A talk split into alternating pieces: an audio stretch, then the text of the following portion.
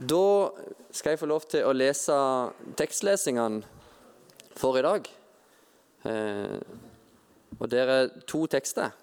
Hvis dere har lyst til å stå, så kan dere få lov til å gjøre det på den første tekstlesinga som vi skal begynne på.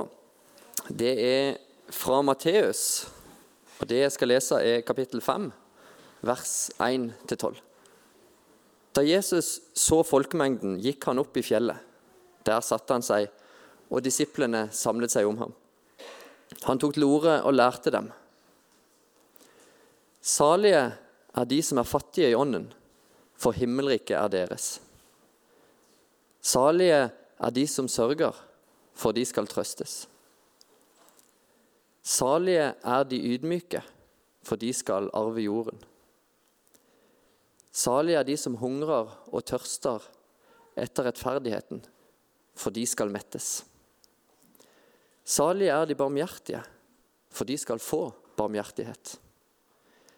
Salige er de rene av hjerte, for de skal se Gud. Salige er de som skaper fred, for de skal kalles Guds barn. Salige er de som blir forfulgt for rettferdighets skyld, for himmelriket er deres. Ja, salige er dere når de for min skyld håner og forfølger dere, lyver og snakker ondt om dere på alle vis. Gled og fryd dere, for stor er lønnen dere har i himmelen. Slik forfulgte de også profetene før dere. Vær så god og sitt.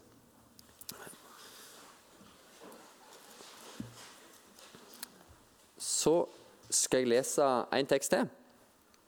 Og Den er henta fra Paulus andre brev til korinterne, eh, kapittel 8.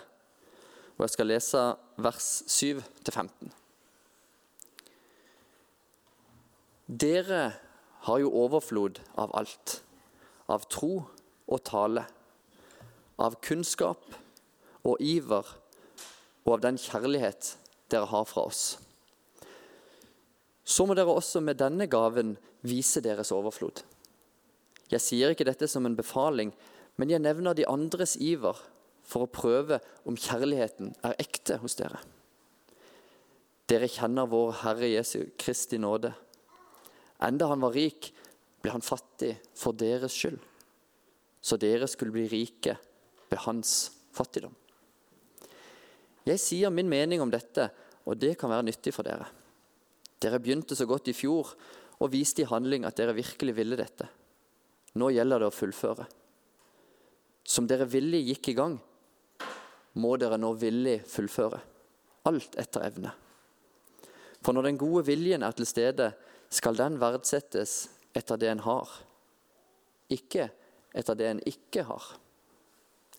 Det er jo ikke meningen at andre skal få hjelp og dere har det trangt, men det skal være likhet. Denne gangen har dere overflod og kan hjelpe dem som lider nød. En annen gang har de overflod og kan hjelpe dere når dere lider nød. Da blir det likhet slik det står skrevet. Den som fikk mye, hadde ingen overflod, og den som fikk lite, led ingen mangel. La oss eh, sammen. Takk, Gud, for det ordet som eh, St. Tor leste for oss. Takk for ditt ord. Hjelp oss til å være åpne for det og ta imot det med et åpent hjerte, sinn og dører. Amen. Nå er det jo ikke så veldig lenge siden det var eh, jul. Og eh, en ting som veldig mange bruker mye tid på i forhold til jul, er dette med gaver. Det er jo derfor mange barn sitter og teller veldig ned til julaften, fordi at de vet at da er det gaver som skal deles ut. Og Dette med gaver er jo utrolig flott, og det minner oss jo òg noe om det som jula handler om. En stor gave som kom da. Gavene som du kjøper i jula, det kan være litt sånn forskjellig i forhold til eh, hvor mye energi en legger bak det, eller hvor mye hjerte en legger bak det. Jeg vet jo at Noen av og til at dette med gavene som en skal rekke over alle disse menneskene en skal gi til, blir gjerne bare en, mer en sånn sjekkliste. enn bare, ok, det og det og det og det, Så er det ferdig. For eksempel, eh, hvis dere sitter denne reklamen for om det var Coop Ops, hvor en liksom bare går inn i butikken og så bare hamstrer med seg alt en finner, og så er det bare ferdig. Eh, kanskje ikke så mye hjerte bak det som ble gitt der. Men uansett hvor mye hjerte som blir lagt bak gaven som en skal gi, så må det òg være et hjerte bak den som tar imot gaven.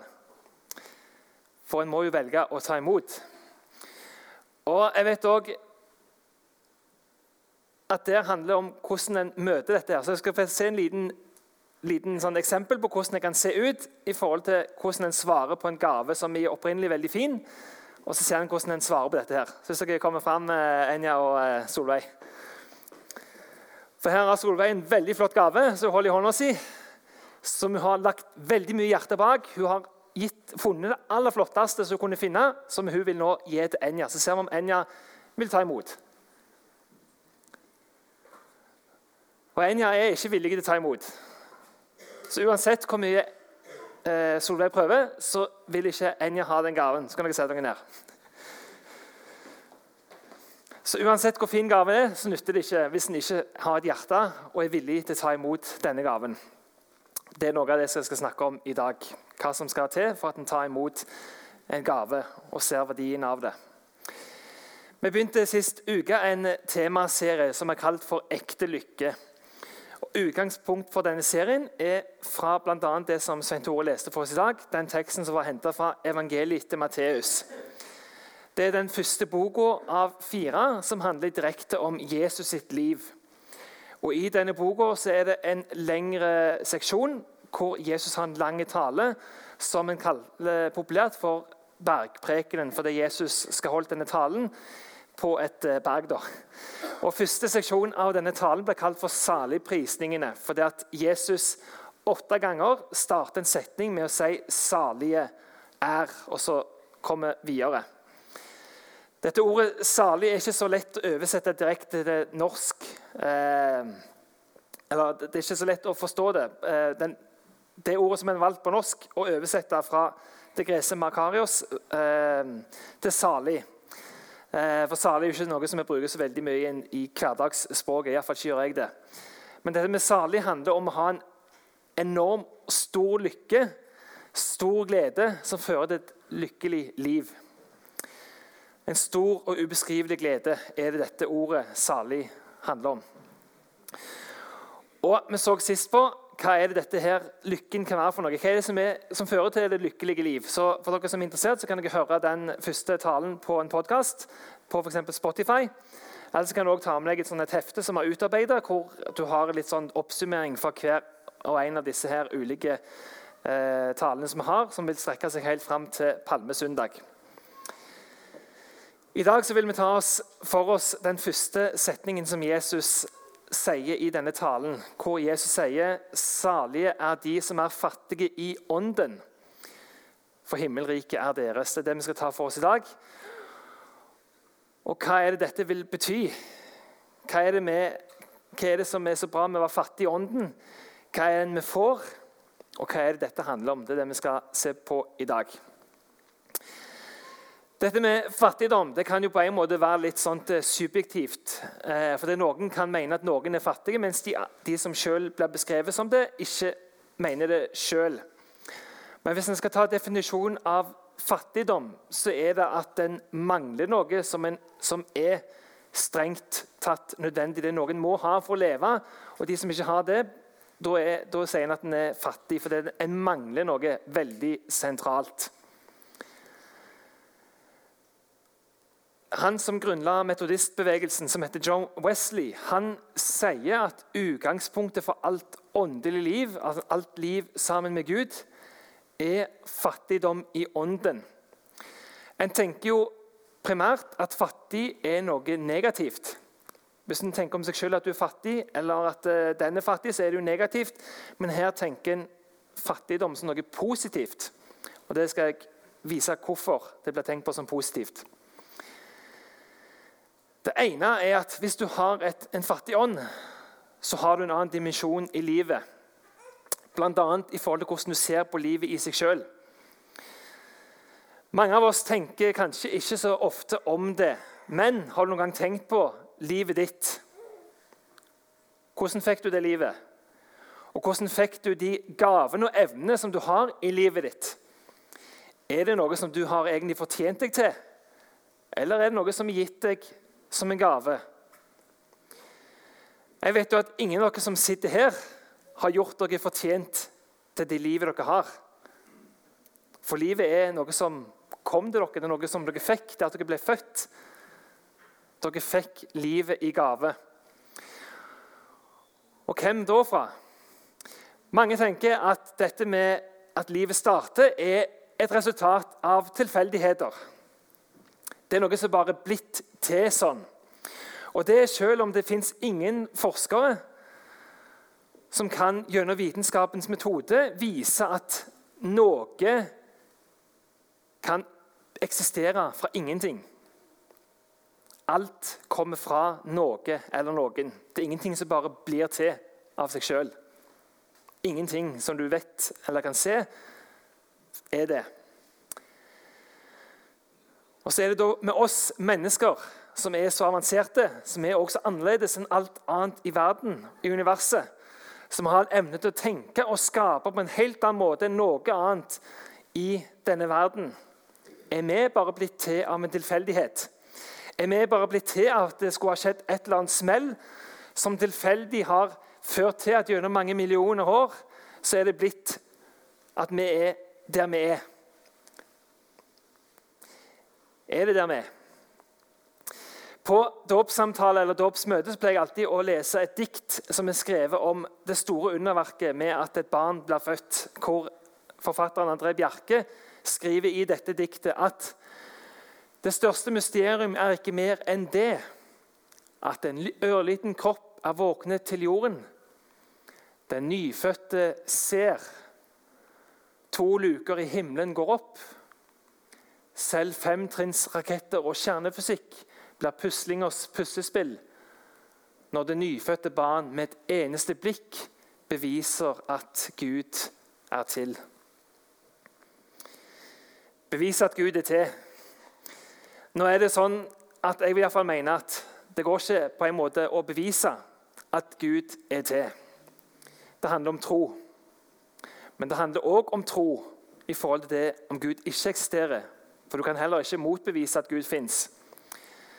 Men for meg i hvert fall, så er det å tenke at vi som mennesker er blitt til av ingenting Og når jeg ser et barn, hvordan det er blitt til fra først en bare en liten klump inn i magen til det fantastiske skapningen som det er når det kommer ut, og det, hvordan det vokser opp Og tenke at dette her er bare blitt til av ingenting Så er iallfall det for meg et enormt kvanteskritt i tro å tenke at vi er kommet til fra ingenting.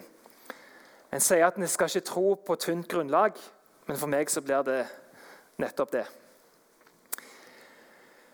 Dette med å være fattig i ånden er det Jesus snakker om. Og Hva er det det handler om å ha en fattig ånd? Det å tenke i seg sjøl at en mangler noe. En som var blant de første lederne i den tidligste kirka, han heter Paulus. Han skriver et brev til en menighet i Roma hvor han prøver å beskrive hva dette her handler om og at dette er noe som alle mennesker i verden ligger under. For Han skriver der om menneskers tilstand, om en er klar over det eller ikke. Han skriver at det finnes ikke én som er rettferdig, ikke en eneste. Det finnes ikke én som forstår, ikke én som søker Gud. Alle er kommet på avveier. Alle er fordervet. Det finnes ikke én som gjør det gode, ikke en eneste. Noe av det som det handler om, og som er utgangspunkt for vi ikke greier å bevise Gud og komme i kontakt med Gud, det er fordi at Gud er så utrolig mye annerledes enn oss. Bibelen beskriver han som en, den evige, den eneste som alltid har vært og alltid vil være. Og Hvis du tenker kjapt gjennom i hodet ditt, så er det ingenting du kan komme på som du kjenner til, som er evig fjell, trær, alt. Ingenting av det er evig. Den eneste som er evig, som alltid har vært der, er Gud. og Det gjør det utrolig vanskelig for oss å prøve å forstå hvem Gud er. Og fordi Gud er evig, og vi er mennesker, mennesker som ikke er evige, vi blir født og starter livet på et tidspunkt, så gjør det at vi ikke greier å komme heller i kontakt med Gud og forstå hvem han er. Og Det Paulus beskriver her, det at vi mennesker mangler noe. Vi greier ikke bare å ikke komme oss sjøl i kontakt med Gud, men vi greier heller ikke å leve det livet som Gud har utgangspunktet tenkt for vårt liv. Og Derfor er vi fattige. Paulus skriver her at vi er fattige fordi ingen av oss greier å ha et rett forhold med Gud. Vi greier ikke å komme i kontakt med han. Vi er fattige fordi vi greier ikke å forstå. Vi er fattige fordi vi greier ikke i oss sjøl å søke Gud. Vi er fattige, for vi greier ikke gå på den veien i oss sjøl som fører fram til Gud. Vi er fattige for det er i oss sjøl som er påvirka av tanker som trekker oss vekk ifra Gud. Vi er fattige for det er ingen av oss som greier å gjøre bare det gode, ikke det eneste. For Hvis det hadde handlet om å bare gjøre det gode, så hadde verden vært en helt annen plass. Det hadde ikke vært en verden full av den krig, elendighet, og hvor fordelingen av verdens ressurser er så ulikt fordelt hvis vi hadde bare greid å gjort det gode. Men det er noe i oss mennesker som alltid gjør at vi heller søker vårt eget, prioriterer meg sjøl. Og hvis en tenker på dette med lykkelig liv, så kan du lese nok influensere som sier veldig høyt Prioriter deg sjøl. Prioriter de tid. Sørg for deg sjøl. Og så får alt andre som skjer, det får bare være. Men du må prioritere deg sjøl for å få et lykkelig liv. Men jeg tenker at det ikke er sånn. Og det er iallfall ikke det som fører til et lykkelig liv, som Jesus peker på. Pave Frans i den katolske kirke han sier at de fattige lever som tiggere foran Gud. De føler seg totalt avhengige av han og anerkjenner det gode som gis fra Gud, som en gave gitt av nåde. Hvis du er fattig i ånden, da greier du å se at du kommer til kort foran Gud. Du mangler det som trengs for å se Gud, for å komme i kontakt med Han og for å ta imot det som Han vil gi deg. Hvis du har en fattig ånd, så anerkjenner du at livet ditt det er ikke noe som du har gjort deg fortjent til, men det er noe som gitt deg i gave av Gud. Det starta en plass, og det starta med Gud. Jesus er jo den som kom for å vise oss dette her, som vi minner oss om i jula. Hvor Jesus steg ned til jorda for la oss få komme i kontakt med Gud. For Jesus var ikke bare et menneske som en av oss, men han var også samtidig fullt og helt evig og Gud. Jesus vandra rundt på jorda for å la oss mennesker få bli kjent med Gud og få se hva det gode som Gud peker på for livene våre. Vi som ikke sjøl kan komme i kontakt med Gud, ble gitt den muligheten med at Gud sjøl steg ned til oss for å komme i kontakt med oss. Altså Gud tok initiativ til å la oss bli kjent med Han. Jesus gjorde seg med dette her fattig, som vi har lest fra Bibelen i dag. Hvor eh, St. Tore leste fra 2. Korinterbrev, kapittel 8, vers 9, hvor Paulus skriver enda han var rik, ble han fattig for deres skyld, så dere skulle bli rike ved hans fattigdom. Og Hva menes her? Jo, Jesus er evig. Så han var i himmelen, og himmelen er ikke akkurat oppe i skyene der, men himmelen er den plassen hvor vi som mennesker ikke kan komme til på egen hånd. Og Derfor var det de som skrev disse første tekstene, brukte ordet himmel. For det var det som de kunne se og komme på, som virka på det tidspunktet ikke mulig for et menneske å komme til. Nå sender vi jo raketter opp og ned, men poenget er fortsatt det samme. Jesus var hos Gud og hadde der alt det han trengte. Han var fullt og helt i Guds kjærlighet og i hans rikdom, men valgte å gi avkall på det og bli født som et menneske, et lite barn, som der og da var fullt og helt avhengig av sine foreldres kjærlighet og omsorg for å overleve akkurat som lille Olivia. Jesus gjorde seg fattig for vår skyld, for at vi skulle bli rik. Og Det skal vi se på hva det handler om videre. Hvordan er det Jesus gjorde oss rik? Jo, ved at han ga avkall på noe. Han ga avkall på det han hadde i himmelen, men han ga avkall på sitt liv. Dette her er et mysterium, og det er veldig mye i Bibelen som er det. Gud sjøl er jo et mysterium. Men vi kan av oss sjøl, som jeg sa, ikke komme i kontakt med Gud. Ikke få det vi trenger. Vi må bli gitt dette. Og Dere som har vært ute og handla gaver i jula, vet at dette med gaver koster mye. Enten så koster det penger, eller så koster det tid til dere som lager noe. Men alle gaver koster noe. Og Den aller største gaven som noen gang har blitt gitt, den kosta et liv. Det kosta Jesus sitt eget liv. Jesus ga livet sitt på et kors for at alle de tingene som gjør at vi er fattige i oss sjøl, skal vi kunne få ta imot. Johannes, som var en av Jesus' disipler, han skriver om dette at for så høyt har Gud elsket verden at han ga sin sønn den enbårne, for at verden som tror på ham, ikke skal gå fortapt, men ha evig liv. Det er et mysterium og litt vanskelig å forstå hva dette er. Men det handler om at i oss mennesker så mangler vi det vi trenger for å få ta imot det som Gud peker på som et lykkelig liv for oss. Og Den eneste måten til å få ta imot det, er ved å ta imot den gaven Jesus har gitt oss. Men så er det det med å forstå og se dette her. Så Hvis Solveig og Enja hvis dere kommer opp igjen, så ser du for deg at nå har Solveig igjen vil gi denne gaven til Enja. Og nå forstår Enja at hun trenger denne gaven, for hun greier ikke sjøl å gjøre dette som trengs for å få det som Gud peker på for et godt liv. Så hun tar imot gaven og åpner opp gaven.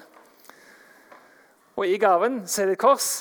Og fordi Enja har åpna hjertet sitt, så ser hun verdien av det og takker for det og kan gå ned igjen.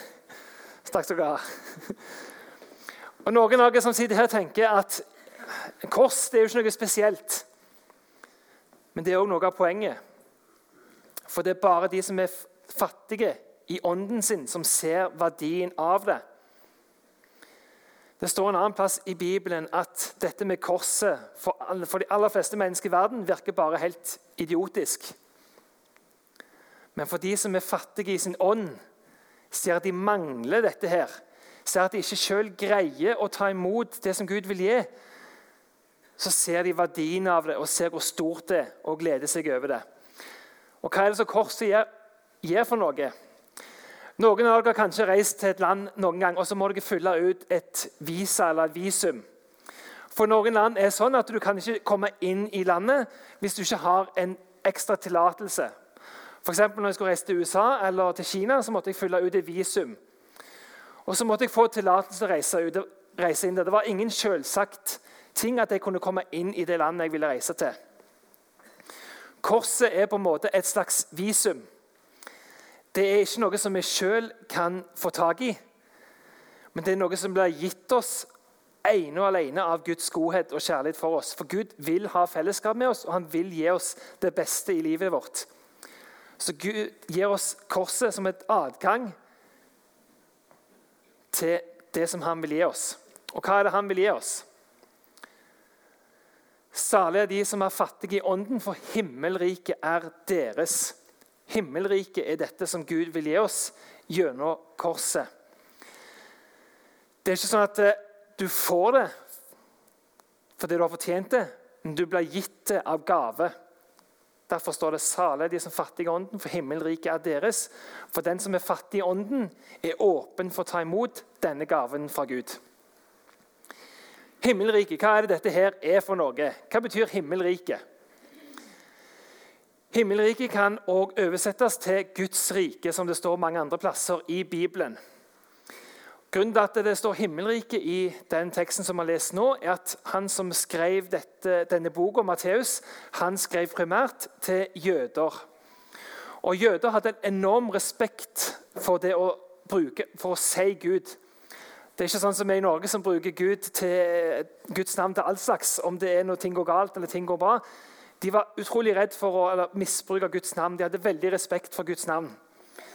Så Hvis de skulle lese Guds navn når det sto skrevet i Bibelen, så ville de aldri lest Guds navn direkte. Jødene valgte å bruke ordet Adonai når det sto Guds navn.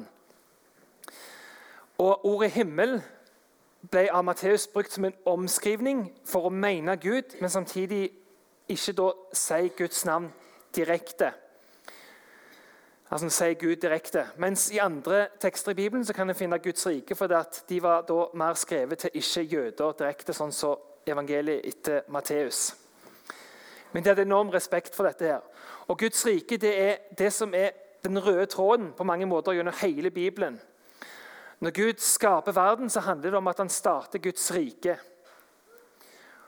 Og Gjennom hele Jesus' sin gjerning og forkynnelse så handler det om Guds rike, om himmelriket. Og hva er himmelriket? Mange tenkte at det var et geografisk område, altså et land, hvor Gud regjerte som konge. Og Det ble jo tidligere sett på som Israel, det gamle Israel. Der var det at De som bodde i dette landet, de skulle følge Guds vilje, de skulle følge hans lov. Gud skulle være deres konge. Og Hvis de hadde en konge, en menneskelig konge, så skulle denne kongen bare på vegne av Gud styre og regjere. Og Denne kongen ble kalt for Messias, som ble tildelt den salvede. fordi at når han ble valgt til konge, så tok han olje og salva denne kongens hode. Og Det ble sett på som et geografisk område. Det som skjedde er at Dette geografiske området Israel mista jødene eh, makten over sjøl.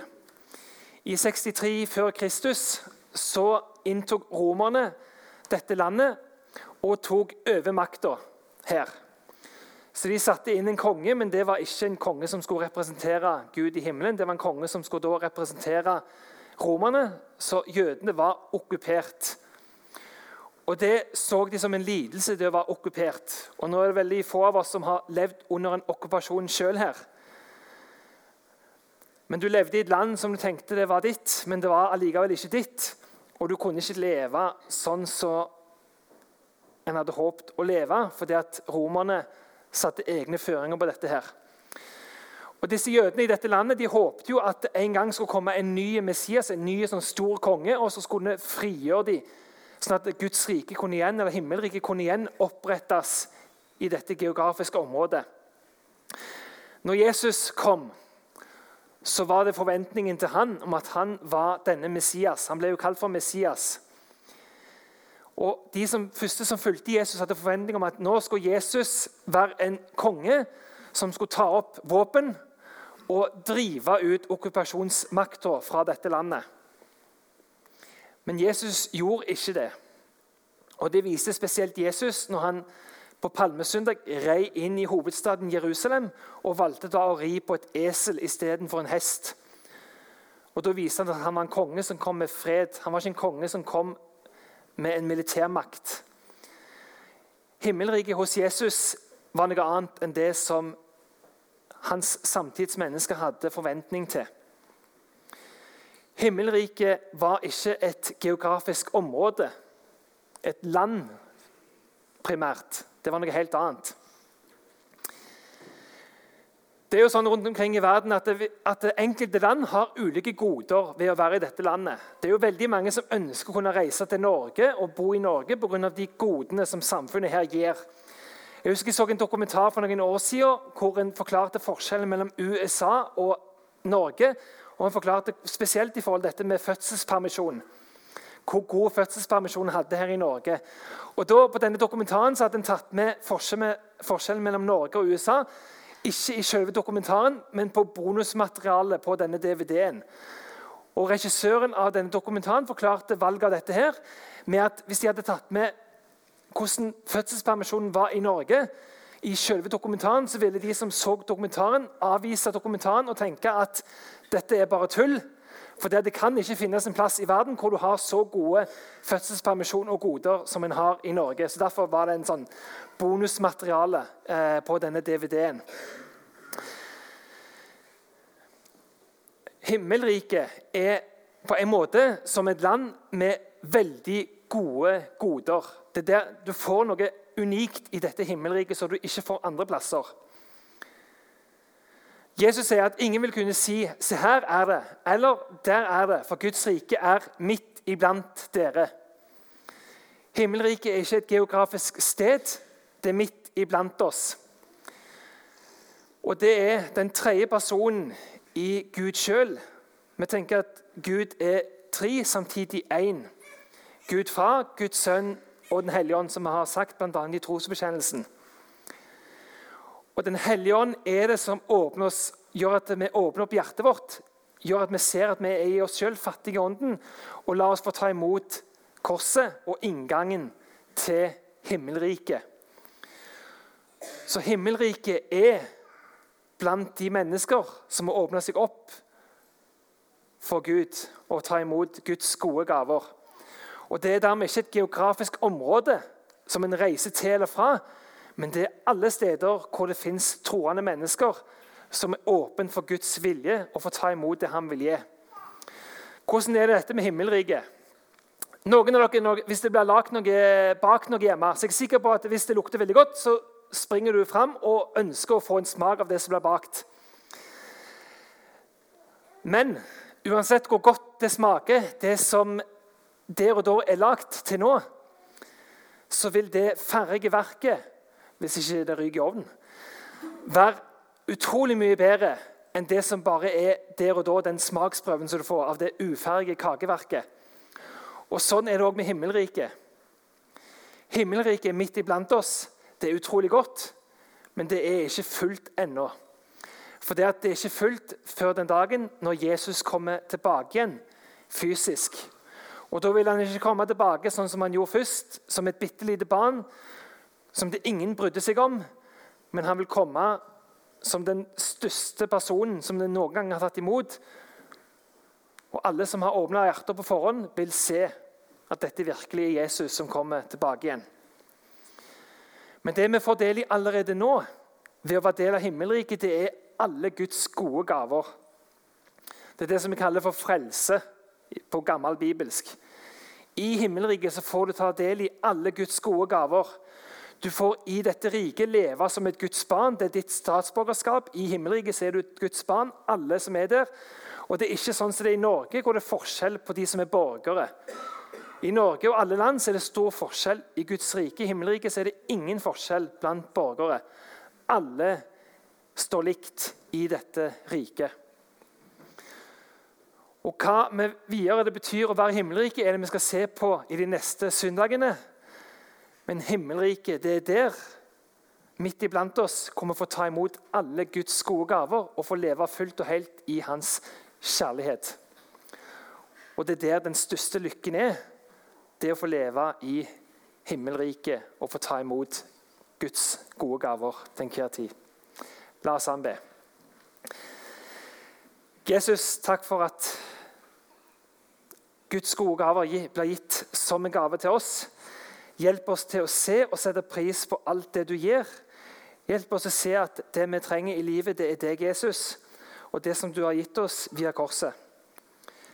La oss leve i takknemlighet og glede for at tross for alt det vi møter i livet, så har vi dette med oss. Det at vi tilhører himmelriket og er en borger her. Hjelp oss til å se deg og til å dele det vi har av ressurser med hverandre. Hjelp oss til å gjøre oss fattige for hverandre, sånn som du gjorde deg fattig for oss. For å støtte hverandre i Jesu navn. Amen.